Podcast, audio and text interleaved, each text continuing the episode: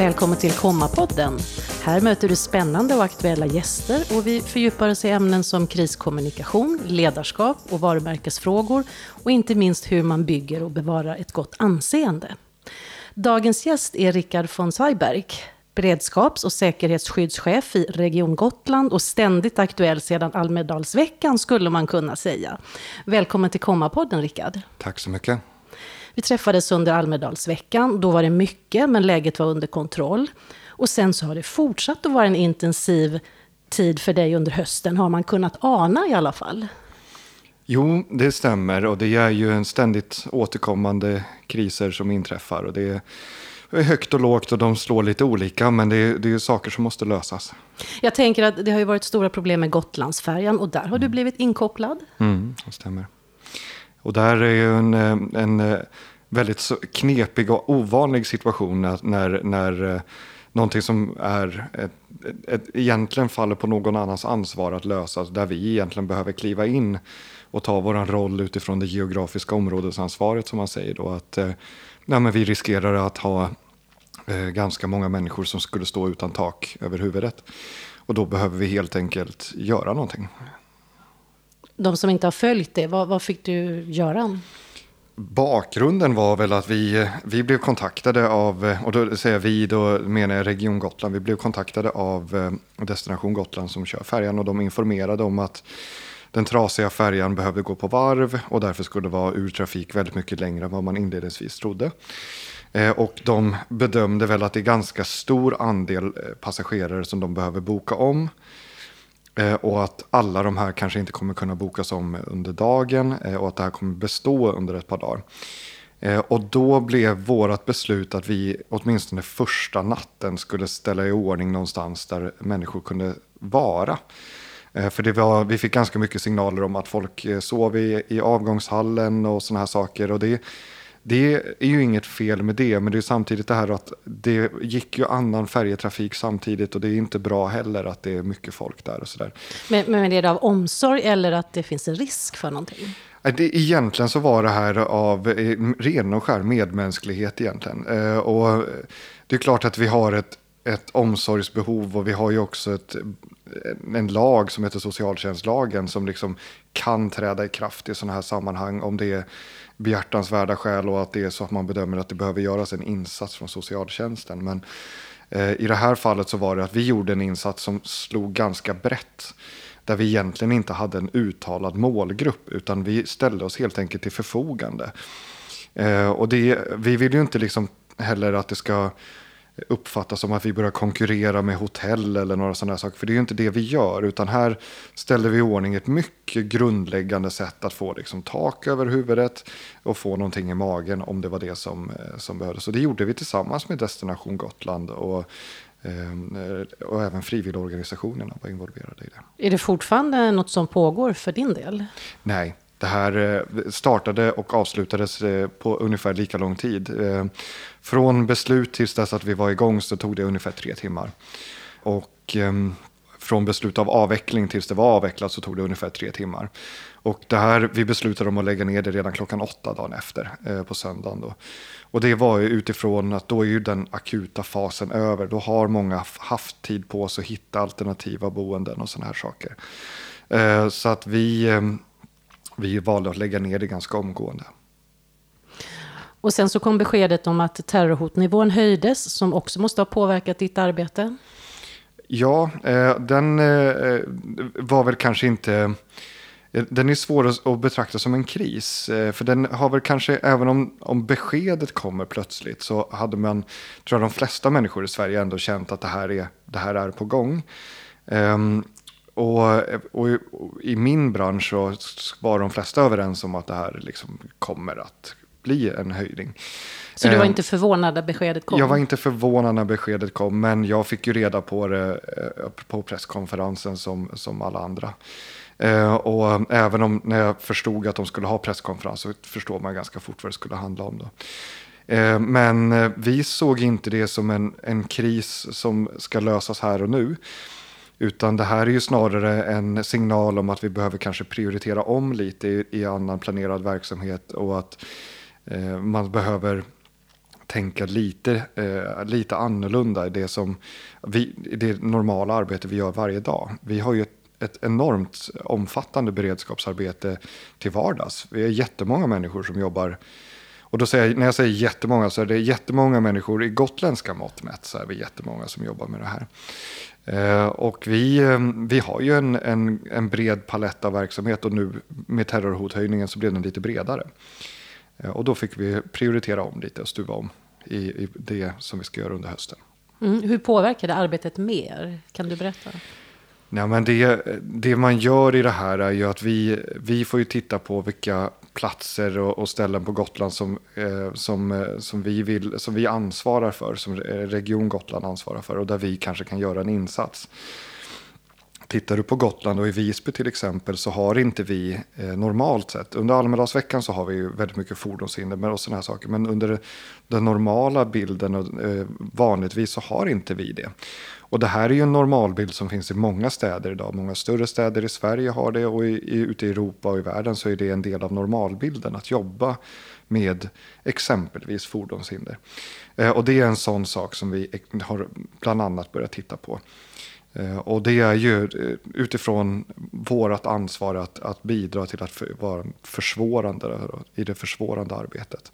Sen har ju polisen jättemycket aktiviteter förstås och där, eh, det är ju de som slutändan också kan lösa en sån här sak, åtminstone på kort sikt. Har du förändrat hur du själv agerar? Jag har ett jag har nog ett ganska högt säkerhetsmedvetande eh, till vardags och det har jag nog haft under ganska många år. Ehm, så att jag skulle inte vilja påstå att jag har ändrat mig nämnvärt mycket. Ehm, men, eh, och sen är det så också att eh, uppmaningen som ändå kommer är att leva som vanligt. Och jag tänker också att jag, det gäller mig också. Ehm, och jag försöker leva som vanligt. Och jag lever som vanligt. Men jag har ju också en, en ett, sedan tidigare ett allmänt högt säkerhetsmedvetande. Eh, och det är ju någonting som jag tror att eh, alla som jobbar med det jag jobbar med har. Men är det ett normaltillstånd som, som vi har nu, eller hur tänker du?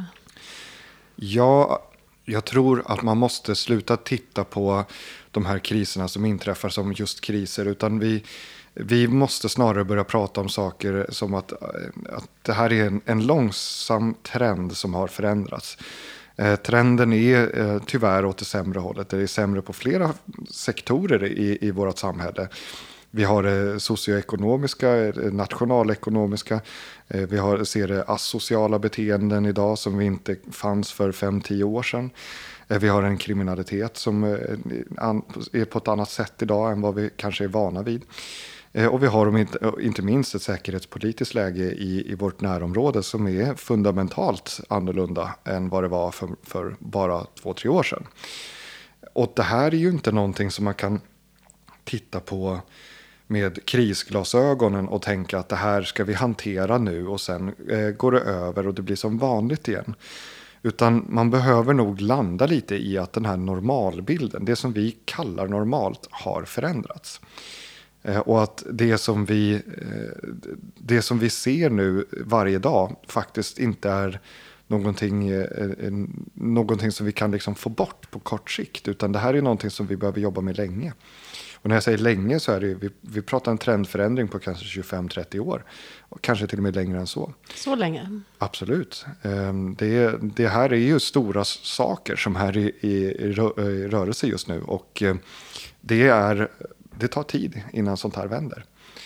Så att eh, beredskapsarbete till exempel som jag jobbar med och, och civilt försvar, det är ju någonting som, som vi tror det kommer att öka fram till 2030 så kommer det fortsätta att, att vara ett ständigt växande område och därefter möjligen nå en platå där man fortsätter att utveckla det men det kommer inte vara de kanske eh, den enorma tillväxt vi ser i den branschen just nu. Du kopplar det till ledarskap också? Ja, eh, precis. Alltså om man har en, en kris som inträffar som är plötslig, eh, den har en tydlig början och man kan också se ett tydligt slut så kräver det en viss typ av ledarskap. Och använder man den typen av metodik som man använder för att hantera den krisen på, på det som är snarare en samhällstrend eh, så kommer du att att du kommer inte orka. Du, du har en ett uthållighetsperspektiv som är eh, jättesvårt. Eh, och det är också en, eh, ett problemlösningsperspektiv som är eh, ehm, det, är mycket snabbare och det är inte lika eftertänksamt. Och jag brukar ofta prata om det att en, en, de som är skickliga att jobba i kris är inte bara skickliga på att, att jobba i krisen och att lösa en kris. De är också väldigt skickliga på att städa upp efteråt. För det blir ett städarbete. Du har ofta tagit beslut som du kan behöva förklara. Eh, och det kan vara så att du har mediala granskningar till exempel. Men det kan också handla om rättsprocesser. Eh, jag vet att eh, Region Stockholm hade ju en, hamnade ju i en rättsprocess om, om det var handskar tror jag efter pandemin där det var en leverantör som menade att ja, det här hade inte upphandlats rätt och riktigt. Och det, här är ju, det här är ju städarbete för att när man löser krisen behöver man jobba fort och ibland så mäktar man inte med eller hinner inte med att eh, alltid göra allting på rätt sätt. Det är den här klassiska, ska vi göra Ska vi göra saker rätt eller ska vi göra rätt saker? Eh, det är en, en stor fråga man står när man ska lösa det.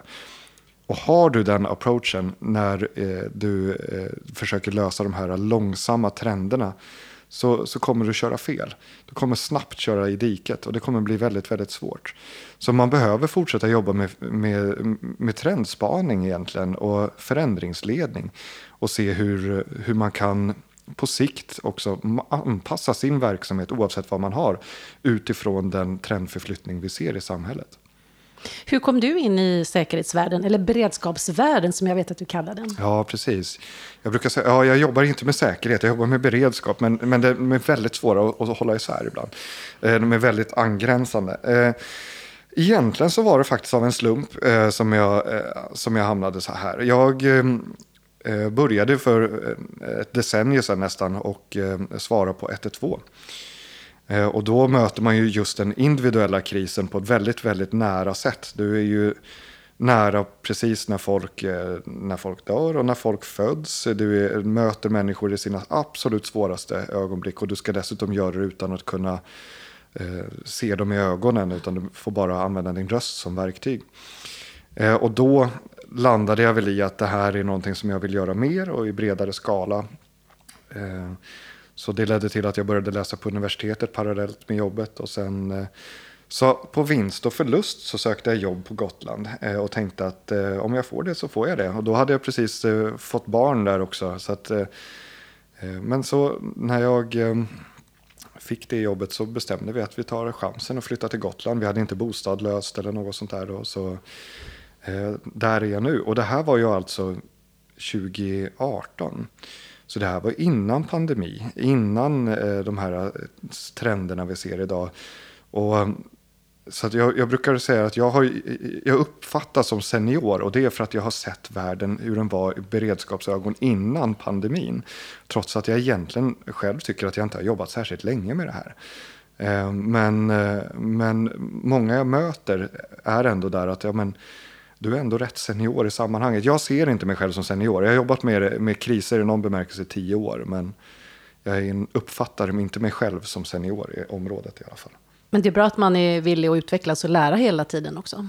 Men det måste man vara. Eh, och, och det här är en sån bransch. Du kan inte sitta still och, och liksom vänta på eh, eller tänka att din gamla kunskap är på något sätt applicerbar. Det är många som tänker att de ska lösa framtidens problem genom att titta bakåt. Och det Eh, kan man göra, men eh, det är, det är tämligen svårt att köra bil genom att titta i backspegeln. Det, det kan vara väldigt svårt. Man behöver vara väldigt, väldigt snabb. Eh, och framförallt också med de cyberhot vi ser idag, till exempel som en helt ny spelplan.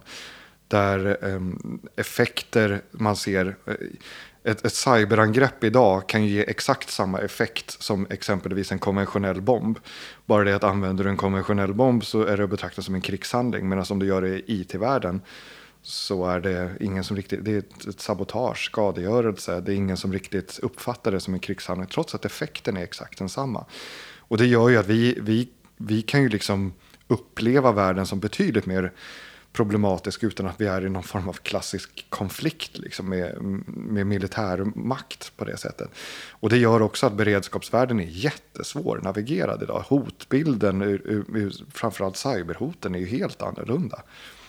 Eh, och nu med AI-intågandet och eh, de här förmågan att kunna göra filmer och foton. Och den här samtalet som du och jag har kan i slutändan spelas in och moduleras för att användas till att jag kanske säger någonting som jag inte menar. Eh, vi vet ju inte var det kommer landa och vi vet inte vad som händer i framtiden och då måste man lära sig hela tiden. Vilken är den största fördomen om säkerhetsarbete? Ehm, jag tror att den största fördomen är att det är eh, Eh, mycket eh, gamla gubbar som sitter och jobbar med det eh, och att det, allting är så himla hemligt och att alltid är så himla allvarligt.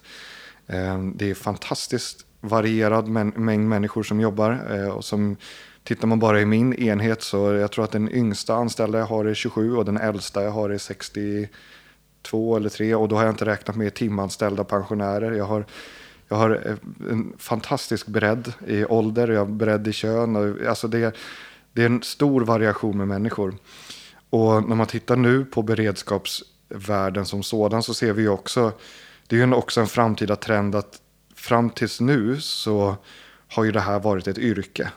Eh, att man jobbar med beredskap. Men jag ser väl att det här börjar förflytta sig från att vara ett yrke, ett enskilt yrke, till att bli en del av var mans arbete egentligen. Och att alla som jobbar i, i synnerhet i, i, offentlig förvaltning, men eh, i allmänhet egentligen i all typ av verksamhet, kommer behöva jobba med eh, beredskap, kontinuitetsplanering och sådana saker länge framöver. Jag ser hur du lyser upp när du pratar om din arbetsgrupp. Mm. Jag har en fantastisk arbetsgrupp. Du var inne lite på det, men hur tycker du att eh, företag kan arbeta mer med ett förhållningssätt kring beredskap? Mm. Just det, företag är ju en sån tydlig sak där om man tittar på de offentliga aktörerna som jag pratar med och där jag jobbar och så vidare så ser vi att där vi jobbar med totalförsvar och civilt försvar idag så har vi inte kommit till företag än. Vi har inte börjat eh, prata med företag i den bemärkelse som vi kanske skulle vilja. Eh, vi vet att, eh, att det, finns, det görs fantastiska saker i näringslivet och vi har ju enormt mycket upphandlad verksamhet och sådana här saker. Och där, där fångar vi upp det, det lite mer och mer nu ska jag säga. Eh, men eh, det är, en, eh, det är ett område där vi från offentligt håll behöver bli bättre på att jobba mer med företag. Och där är det så att vi, när, när det kommer, så kommer det nog gå ganska fort. Eh, för det kommer förmodligen komma med någon statlig utredning eller en lagändring. Det händer mycket sådana just nu. Jag läste en utredning igår om, eh, om statlig lagerhållning som precis har kommit på plats och hur vi ska jobba med försörjningsberedskap i Sverige. Och där lyfter man ju också just att företagen har ju en, en naturlig roll i det här. Eh, och där man tidigare har jobbat med mycket just in time och effektivitet. Där alltså motpolen till en, eh, tyvärr, alltså, om vi ska säga optimerad verksamhet är ju en kanske resilient verksamhet. Eller um, ett annat sätt att se på det, det är om, om du tar en, en maratonlöpare som är en väldigt optimerad kropp för en uppgift. Eh, och så sätter du den eh, bredvid en helt vanlig människa som inte är en maratonlöpare men som är helt normalkonstruerad på, eh, på samma sätt. Så är det maratonlöparen är så utvecklad till, för att lösa sin enda uppgift. Att skulle de här hamna i en situation där de behövde klara sig utan mat så finns det inga reserver. Och det är samma sak gäller med verksamhet. Att är din verksamhet alldeles för slipstreamad och optimerad på att lösa, du har extremt tight just-in-time-flöde då har du inte heller en motståndskraft som jag tror att offentliga aktörer kommer eftersöka framöver. För jag, jag, skulle gissa att det bara är några år kvar innan vi kommer börja kravställa i upphandlingar om att du ska ha ett väldigt, väldigt proaktivt arbete i, i, i, i det här. Eh, och man behöver börja tänka på, på liksom bygga in lite luft i systemet, ha lite lagerhållning, var inte rädd för det. Eh, och sen, eh, Men det kommer ju med en prislapp också. Det kommer med en prislapp. Eh, och det, det, är ju så, alltså beredskap är ju dyrt. Eh, och det är ju att betrakta som en försäkring. Eh, det, är, eh, det är dyrt. Men, eh, och, och, där behöver man ju då vikta in det. Och vad är den kostnaden i förhållande till den trendutveckling vi ser idag? För är det så att jag, vi har, vi har, jag ska inte säga vilket företag, men jag, jag vet ett företag. De eh, bakar väldigt mycket bröd. Eh, och eh, jag läste att när de har haft strömavbrott så tar det två veckor att eh, komma tillbaka i full produktion. Eh, och återhämta och återställa. Och i min värld så, jag, jag förstår dem, för att man, har, man har kunnat lita på elsystemet i, i, liksom, i 40 år i Sverige och det har alltid funnits och det har varit billigt. Och plötsligt så blev det inte så längre. Det började bli strömavbrott och det började bli dyrt. Eh, och då måste man ju göra sin riskanalys. Och kommer man fram till då att ja, men nu är ju trenden att el plötsligt inte är lika stabilt längre. Och det kostar oss två veckor produktion. Då måste man ju ändå fundera på, okej, okay, men vad kostar ett reservaggregat?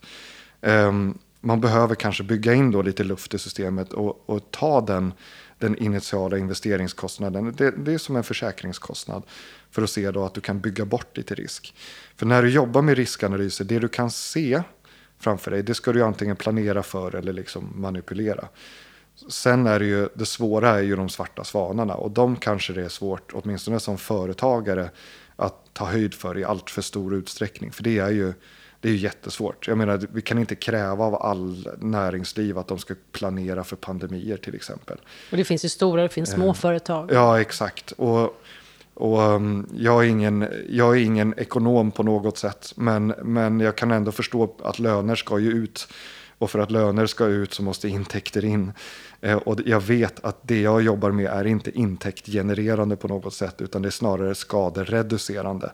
Eh, och då behöver man vara ganska försiktig. Eh, för det, det, det som man är när man jobbar med beredskap är ju helt enkelt att minska fallhöjden om någonting händer och snabba på återställningstiden.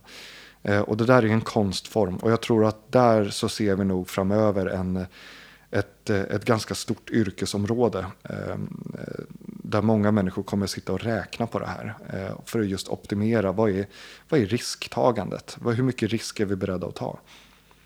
Om man är orolig för olika påverkanskampanjer som det talas mycket om nu, eller om ens företag till och med har blivit berörd på något sätt av en sån kampanj, vad har du för råd då? Ja, påverkanskampanjer är ju är jättesvårt. Eh, för det, det är ofta svårt att veta var de kommer ifrån. Eh, det är ofta svårt att förstå bakomliggande syfte och vad man vill åstadkomma. Och de kan manifesteras på olika sätt. Eh, det finns exempel där man använder påverkan för att spä på en konflikt. Och det finns ju exempel där man bara vill förstöra rykten. Och det är, jag, jag tror att det är ganska svårt eh, att utan vana eh, sitta och lösa det själv. Det tror jag kan vara väldigt svårt. Eh, för att det här är en, en speciell typ. Och då, det här är ju människor som aktivt försöker liksom förstöra för dig på något sätt. Eh, och det är inte liksom en, en, en varumärkeskris kanske sådär som kan uppstå. Eller att någon har gjort bort sig eller sagt någonting dumt. För det, det är ju en sån sak som blåser över i sinom tid. Men här är det ju människor som aktivt kliver in och, och vill sabotera. De har en agenda och de har ett mål.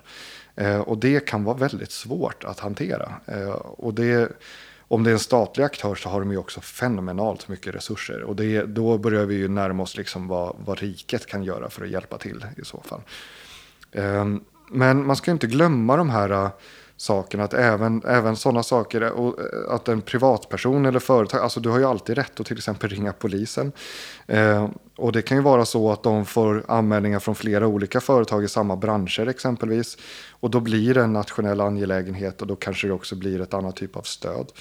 Men det är väldigt svårt för mig att lova någonting eller liksom garantera någonting. Men man behöver ha en, en eh, jobba lugnt och metodiskt och eh, söka lite stöd av de som faktiskt kan de här grejerna. I din roll så är du också talesperson ibland. Hur har du arbetat med den delen av jobbet? Jo, eh, jag är, får tala ganska mycket eh, med media. Eh, och mm, det är någonting som jag har behövt lära mig på ganska kort tid. Det började vid Rysslands invasion av Ukraina. Jag har Eh, under de, den perioden eller de veckorna efter det så hade jag väl en två, tre intervjuer i veckan. Eh, både nationella och internationella. Eh, och det var, jag har upplevt mig själv bli dubbad till gäliska i BBC. Jag har sett mig själv i japansk tv, NHT1. Och det har varit en, en otroligt stor mängd intervjuer ett tag. Eh, och det här var ju, eh, jag fick väldigt mycket stöd eh, från eh, pressekreterare. Och, för att hjälpa mig liksom hur, hur, jag ska hantera det här och bemöta och, och vilken approach man ska ha. övning ger ju färdighet, men jag tänker ja. du är ganska öppen och tillgänglig. Är det medvetet? Jag försöker att vara det. Vi, jag är ju, jobbar ju i en offentlig organisation. Vi ska vara öppna och tillgängliga. Eh, och jag tycker att vi, vi, vi måste ju prata om problemen som det är. Och jag har någonstans alltid en approach att man kan inte behandla allmänheten som en jättebebis. Det, det funkar liksom inte, utan man måste ibland faktiskt säga som det är. Eh, och även om det är nyheter som folk inte vill eller tror på. Utan det, det, finns ibland en rädsla, det här att ja, men, åh, folk kommer bli så oroliga och det kommer tas emot fel och det kommer ringa jättemycket. Ja men, ja, men händer det så händer det. Ibland så måste man också säga precis som det är. Eh, det finns ju skräckexempel i historien där man liksom har försökt skönmåla verkligheten. Jag tror att det mest kända är väl Tjernobyl. Där man liksom på riktigt försökte skönmåla, både lokalt för de som bodde där men också för resten av världen. Och eh, trots att man har bytt namn på nationen, man har bytt president flera gånger så är det här fortfarande någonting som tas upp som dåligt exempel, någonting man får eh, lite sota för och det är fortfarande det som, som är en, en till viss del kanske allmänhetens bild eller den eh, världssamfundets bild av hur det fungerar i, den, i det landet. Eh, och jag tror att där behöver man, och det finns ju stora och små exempel i det här, men jag tror just att man får inte vara rädd för att komma ut och berätta dåliga nyheter. Det måste man kunna göra. Eh, och det, det kan ju också stärka din krisledningsorganisation. Eh, för du kan också få hjälp från, eh, från, eh, på, från oanade håll.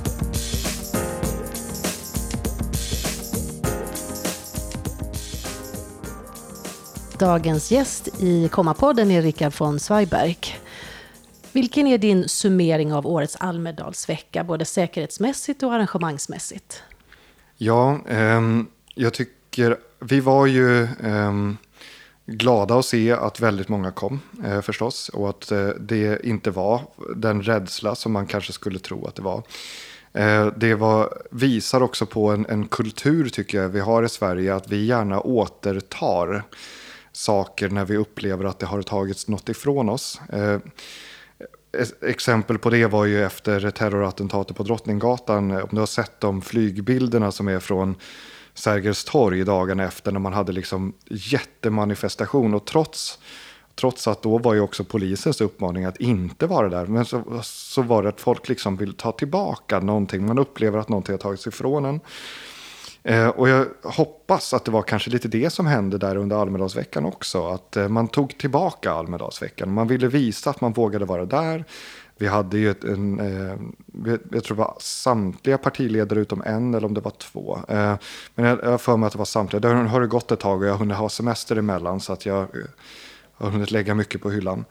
Eh, men eh, politiken vågade komma dit, de vågade stå på scen, de vågade prata. Eh, besökarna var där eh, och vi hade massor med arrangörer som var där och arrangörerna tog jättestort eget ansvar. Ehm, och vi hjälpte dem att ta ansvar. Eh, vi jobbade med en helt ny säkerhetsorganisation tillsammans med våra vänner på polisen och säkerhetspolisen och massa privata vaktbolag och hade en fantastisk samverkan som var helt, helt ny för året. Eh, och det, allt det här bidrar ju till att det, blir, att det känns tryggt, eh, att det var väl genomfört. Det var ju ytterst få incidenter, eh, så vitt jag känner till i alla fall. Har du någon och, höjdpunkt från veckan, något du minns speciellt? Eh, inte rakt upp och ner. Jag vet, vi hade en till exempel där våra värdar påträffade ett barn som grät och där eh, värdarna bestämde sig för att hjälpa den här barnet att komma på plats. Och det visade sig att de behövde röra sig långt utanför Almedalsområdet, men de gjorde det. Eh, allt för att liksom hjälpa till. Det tycker jag är en sån här eh, exempel på fritt tänkande och problemlösning som är otroligt eh, härligt att ha när man har sådana människor i sin organisation som är så här, okej okay, det här är lite förbi vårt uppdrag men men här och nu gäller eh, och här och nu behöver vi göra det. Det tycker jag var en sån exempel på en bra situation. Men sen tycker jag invigningen var ju häftig eh, och väl genomförd. Det gick, eh, gick väldigt bra. Årets Almedalsvecka har också utvärderats av EUs experter. Hur såg deras arbete ut och vad var det de skulle titta på? Och de tittar ju på säkerheten i, i offentlig miljö och lite om organisation eh, och hur vi jobbar ihop med, med polisen bland annat och sådär. Så de var mycket i vår ledningsplats. Eh, de eh, var även och besökte polisen förstås. Eh, och hade mycket intervjuer med folk som jobbar i organisationen. De tittade också på sådana här praktiska saker som var fordonshinder finns utifrån utifrån deras erfarenhet ser de vad vi kan göra bättre och vad vi kan förändra. Den rapporten har vi inte sett än, så att det ska bli väldigt intressant att se. När kommer den? Ja, jag trodde faktiskt att den skulle ha kommit. Jag, jag, vet inte om det är bra eller dåligt att det tar tid. Det kan ju vara så att de har hittat jättemycket. Det kan ju också vara så att de anstränger sig för att hitta saker vi ska förbättra. Så att, ju längre tiden går, desto nervösare blir jag över innehållet förstås. Men, men tror du att deras slutsatser kommer att påverka evenemanget på något sätt? Jo, men det tror jag. Eh, det, vi har ju ingen eh, Eh, Eh, vi har ju bett dem komma dit därför att vi vill få en, en utvärdering och en åsikt och ett sätt att eh, ta det här vidare till nästa nivå.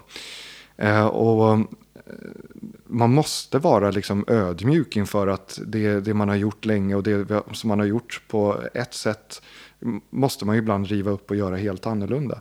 Och det ska man ju ha med sig när man jobbar med evenemangssäkerhet överlag så är just det här att att skapa förändring, att stoppa in förändringar i, i det här är ju också ett sätt att jobba med säkerhet. Ta, ja men, att, om du har in, insiderproblematik till exempel, om du, man kan göra sådana små saker att eh, plötsligt bara säga åt eh, de som jobbar vid in, imposterna att Nej, men nu, nu ska ni rotera ett varv, ett, ett, liksom.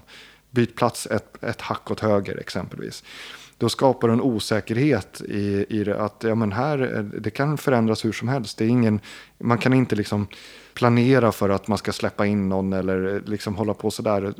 Det är ju en sån sak. Så att, eh, att förändra saker kan vi göra dels för att eh, vi kan få bättre råd och idéer. Men det kan också vara så att att vi inte vill göra på samma sätt därför att du ska inte känna igen dig. Du ska inte kunna liksom besöka Almedalsveckan ett år och, och, göra en rekognosering och sen komma tillbaka nästa år så är allt exakt samma sak. Utan man måste, man måste röra till det lite.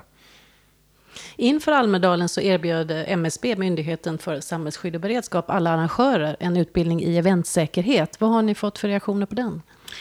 Den har varit väldigt populär. Eh, vi ehm, fick stoppa in fler extra utbildningstillfällen och det här var ju eh, två till tre timmar webbutbildning som, som de bidrog med.